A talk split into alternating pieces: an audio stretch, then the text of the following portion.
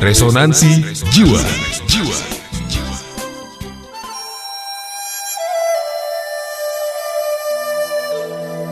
Belajar dari Sang Surya.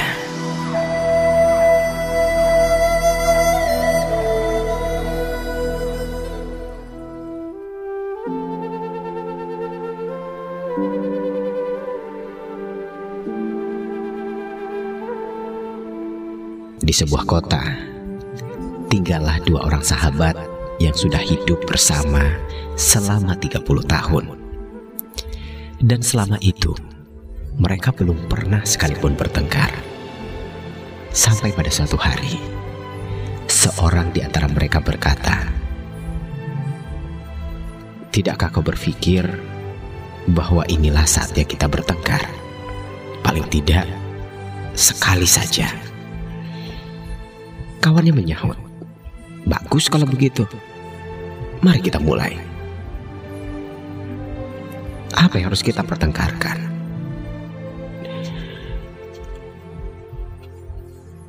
Orang yang pertama tadi menjawab, "Bagaimana kalau sepotong roti ini?"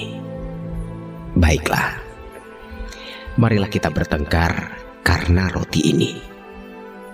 Tapi bagaimana kita bisa melakukannya? Tanya orang kedua. Orang pertama tadi berkata kembali, "Roti ini punyaku. Ini kesemuanya milikku." Mendengar hal itu,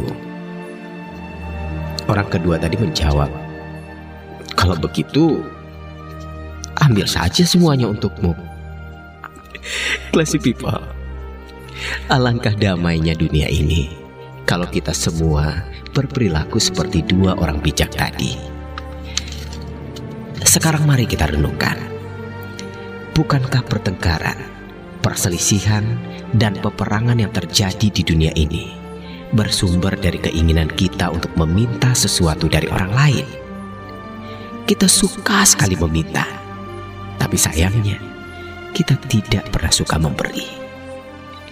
Di rumah kita, kita selalu meminta perhatian pasangan, meminta anak-anak memahami, meminta pembantu melayani, meminta ini, meminta itu, dan segala macamnya.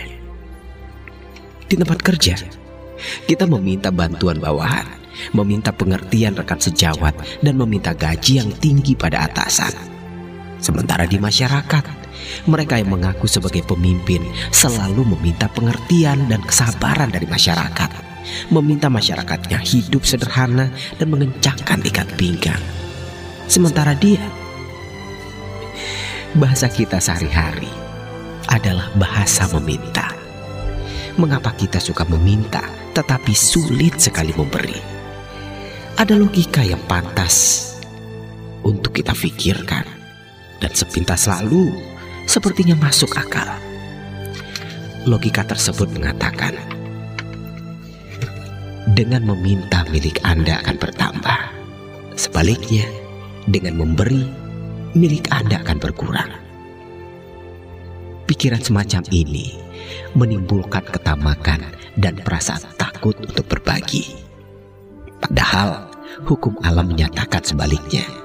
Justru dengan banyak memberi, kita akan banyak pula menerima.